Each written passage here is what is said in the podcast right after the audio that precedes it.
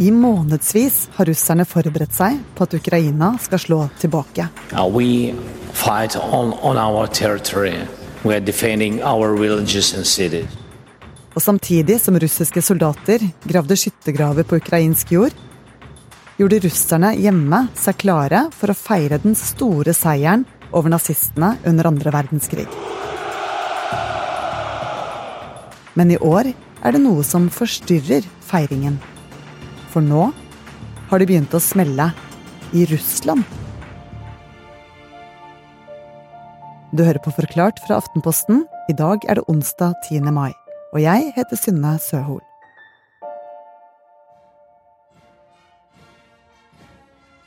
I går, 9. mai, så feira Russland seieren over Nazi-Tyskland i andre verdenskrig. Og foran tusenvis av soldater tok Putin mikrofonen og langa ut mot Vesten, altså oss, før han avslutta med 'For Russland, for våre tapre styrker, for seier. Hurra'. За победу! Ура!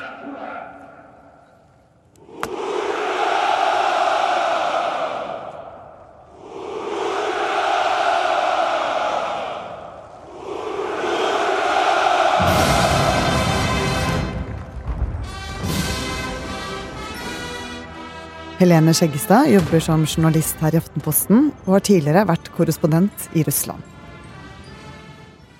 9. mai er nærmest en hellig dag i Russland. Og egentlig så er det en dag for å huske det offeret som tidlige generasjoner gjorde under andre verdenskrig. Det er nesten en dag for sorg. I hvert fall en dag for å hedre og for å minnes.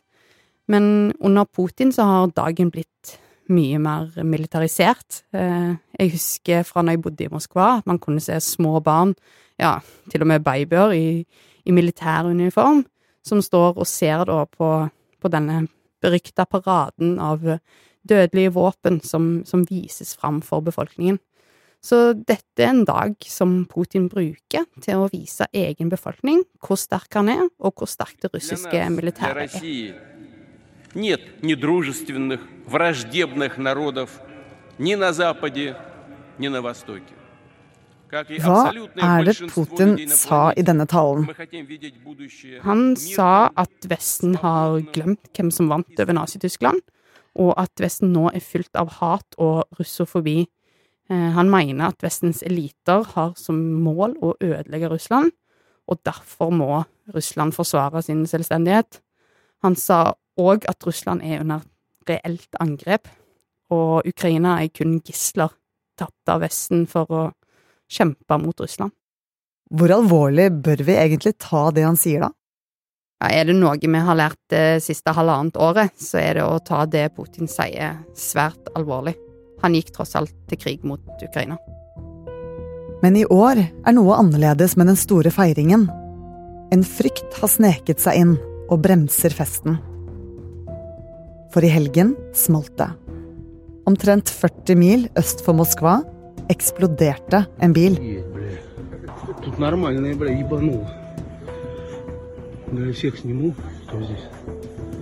I en mobilvideo fra åstedet ser man bilvraket opp ned ved siden av et dypt krater i bakken. I bilen satt en profilert russisk krigshisser.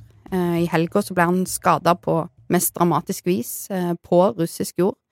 Han heter Sahar Prilepin, og han er forfatter, og blei alvorlig skada da bilen han satt i, eksploderte. Sjåføren i samme bil mista livet. Og hva betyr dette angrepet?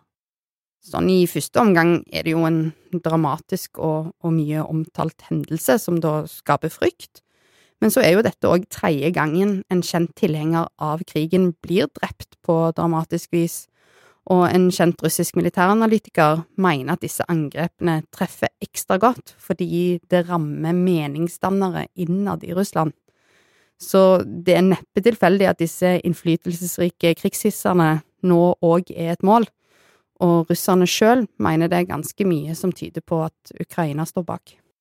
Og denne bilbomba går bare inn i et større mønster som vi nå har sett over tid. Eh, krigen har nå gått inn i en ny fase, sier ekspertene, og den handler om at Ukraina har starta en ny front. og den fronten er ikke på ukrainsk jord.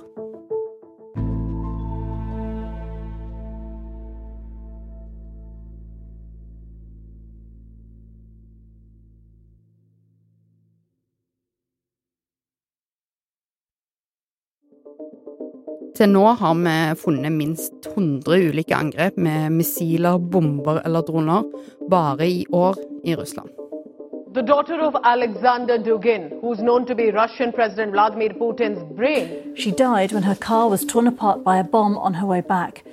A deadly explosion killing a pro war, pro Putin military blogger inside a cafe. A car bomb exploded in Russia earlier today, badly injuring a prominent nationalist writer and killing his driver.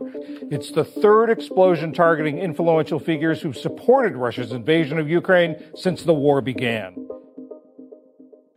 Noen angrep er jo veldig godt kjente, som da Tatarski, en kjent militærblogger, fikk en eksploderende statue i hendene og døde, eller den bilbomben vi så i helga. Men nesten hver dag så er det sånne små angrep ulike steder i, i Russland nå. For eksempel så fant vi et missilangrep i eh, den lille landsbyen Susemka 30. april i år. Der ble flere hus totalødelagt, og fire mennesker mista livet. Og så er det kanskje mer kjent at det har vært mange droneangrep på oljeraffinerier og togstasjoner.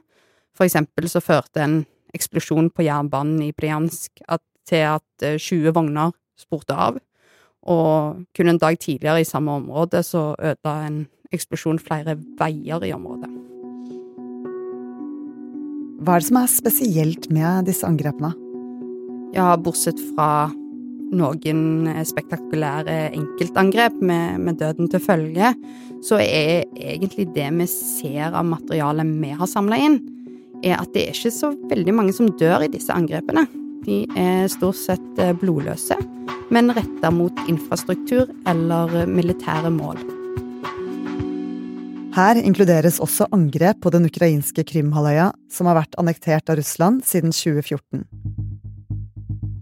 De fleste angrepene har skjedd nær den ukrainske grensen, men det er også meldt om flere angrep lenger inn i landet. Og nå skaper angrepene frykt i Russland. I minst 21 russiske byer er den tradisjonsrike markeringen avlyst.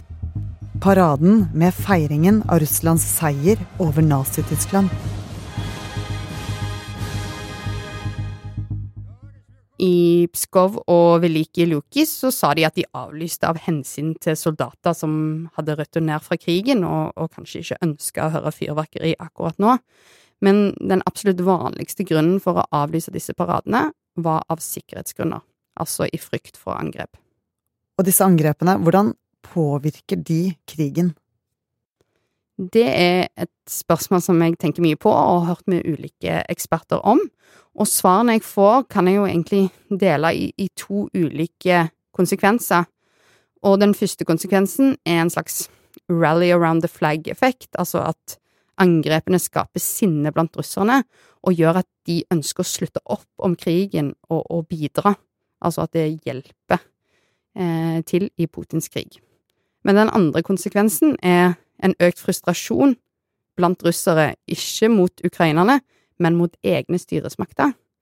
Og vi har for eksempel kontakt med noen som bor i et av de mest angrepne områdene i Belgorod, og de er veldig fortvila over at Moskva ikke får med seg at de blir angrepet så godt som hver dag.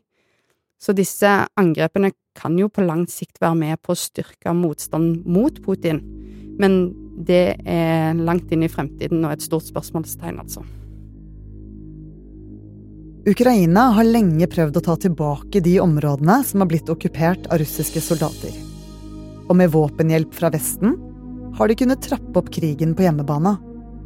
Men nå mener flere at angrepene på russisk jord er Ukrainas front nummer to. Helene, er dette ukrainske angrep? De fleste russiske nyhetsmeldinger og russiske myndigheter peker på at Ukraina står bak disse angrepene.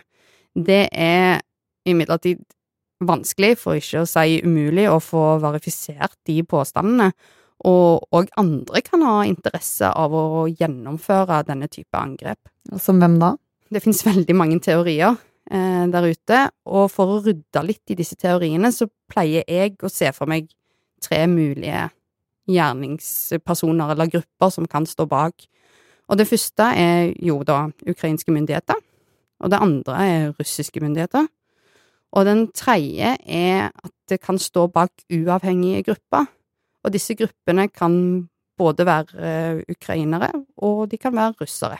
Men de er da ikke tilknytta staten på noen som helst måte. Russland anklager altså Ukraina for å stå bak. Men Ukraina nekter for å ha noe med angrepene å gjøre. We don't attack Putin or Moscow. Uh, we fight on, on our territory. We are defending our religion. Zelenskyj nekter for at Ukraina står bak disse angrepene, og det må han nesten gjøre. Fordi nå er det jo sånn at Ukraina ble brutalt angrepet av sin nabo. Og det er Russland som er den angripende part i denne krigen, og Ukraina forsvarer seg sjøl. Og i den kampen så får de støtte, altså veldig mye støtte, fra vestlige partnere, som for eksempel oss i Norge. Men hvis det viser seg at denne våpenstøtten brukes til å drepe russiske sivile på russisk jord, så har Ukraina et forklaringsproblem. For det første er det ikke det våpenet er tenkt til, og for det andre så vil det jo bidra til å trekke Vesten lenger i retning av å være i direkte krig med Russland, og det er det ingen i Vesten som ønsker. Men har ikke Ukraina også interesse da av å vise at de gjør det bra i krigen? Ja, det kan du jo si, men for Ukraina så er hovedmålet å ta eget territorium tilbake. Deres måte å vise at de gjør det bra i krigen, det er å ta tilbake sitt eget land og frigi sin egen befolkning, ikke å dra hele Vesten inn i eh, tredje verdenskrig med Russland. Forskere mener at disse angrepene på russisk jord er med på å skade Kreml sitt rykte, men òg Russlands militære og økonomiske ressurser. Og det kan være farlig for Russland akkurat nå, nettopp fordi at alle går og venter på at Ukraina skal slå hardt tilbake mot Russland langs fronten i Ukraina, altså gjennomføre denne mye omtalte ukrainske motoffensiven. Hvordan vil det påvirke krigen, sånn sett fra russernes side? Ja, hvor godt denne strategien med angrep i Russland har fungert, det vil man trolig først få svar på i løpet av eh, ja, noen uker. Eh, de fleste eksperter tror at eh, motoffensiven vil være i gang i løpet av mai, kanskje tidlig juni en gang. Og da vil vi se om disse angrepene har klart å gjøre noe forskjell på den russiske forsvarsevnen. Hvordan vil det påvirke den russiske befolkningen da, hvis krigen kommer nærmere? Nå er det flere ting som gjør at krigen kommer nærmere den, den vanlige russeren.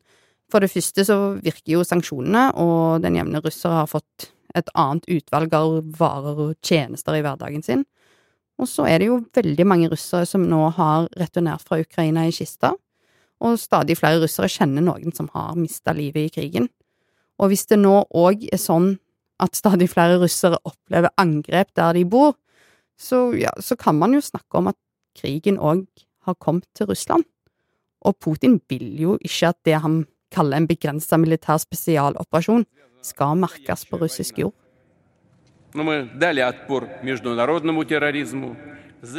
Men hvis vi går tilbake til Putins tale på den store festdagen i Moskva, vet vi noe om hva slags svar han planlegger på disse angrepene?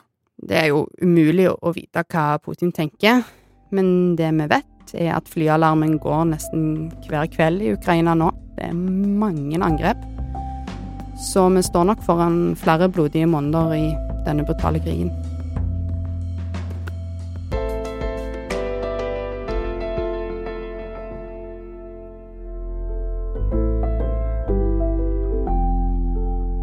Du har hørt en podkast fra Aftenposten. Det var journalist Helene Skjeggestad som forklarte deg hvordan ukrainerne slår tilbake på russisk jord. Denne episoden er laget av produsent Olav Eggesvik og meg, Synne Søhol. Resten av Forklart er Jenny Førland, Philip A. Johannesborg og Anders Weberg. Lyden du hørte, er fra nyhetsbyrået AP, PBS NewsHour, ABC News, India Today og BBC. Ok, det finnes spørsmål som det ikke er så enkelt å google, typ Ukraina-krigen. Hva er det som gjør at soldater springer tilsynelatende frivillig inn i døden? Jeg tror ikke jeg kan sammenligne det med noen ting som har skjedd i livet mitt før. Og hvorfor sier folk som jobber med kunstig intelligens at maskiner begynner å bli bevisst? Når du prosesserer informasjon og tar intelligente beslutninger, da er vi farlig nær tenking. Og hvorfor har vi i det hele tatt et strømmarked når det gir oss dyr strøm? Sjansen for at dette kunne gå galt, var jo veldig stor.